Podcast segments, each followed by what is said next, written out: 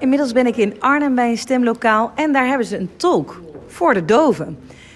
Dion, je bent voorzitter van het stembureau. Waarom is er een tolk? Omdat we het belangrijk vinden dat we uh, het stemmen voor iedereen zo toegankelijk mogelijk uh, maken.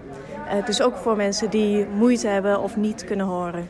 En wat voor dingen worden vertaald? Welke vragen?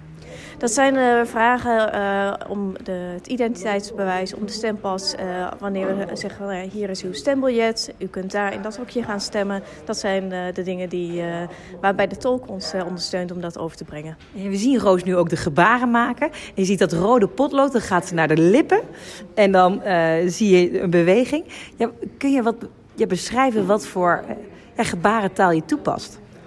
Uh, nou, zoals Dion al zei, uh, ik gebaar bijvoorbeeld het rode potlood. En dan wat jij aangaf, uh, je gaat met de vinger naar de lip om de rode kleur aan te geven. En dan geeft het potlood aan de, aan de kiezer. En het identiteitspas, hoe vertaal je dat in een gebarentaal?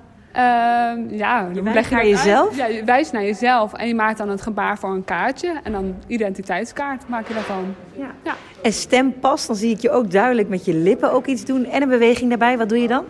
Je articuleert ook het woord dat je gebaart. Dus uh, mensen kunnen ook over het algemeen goed lip lezen. Dus je gebaart het woord en ondersteunt het met, uh, met mondbeeld. En wat vind je ervan, Roos, dat je als tolk hier nu actief bent bij dit stembureau?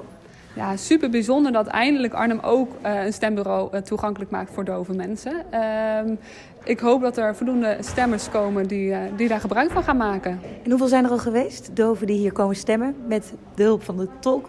Tot nu toe één. En we hopen natuurlijk dat er later vandaag nog meer komen. Zo is het toegankelijk voor iedereen? Ja, precies. En hoe voelt dat? Ja, ik vind dat heel erg mooi dat we dat uh, op deze manier doen. Dat uh, uh, ja, hoort er eigenlijk gewoon bij.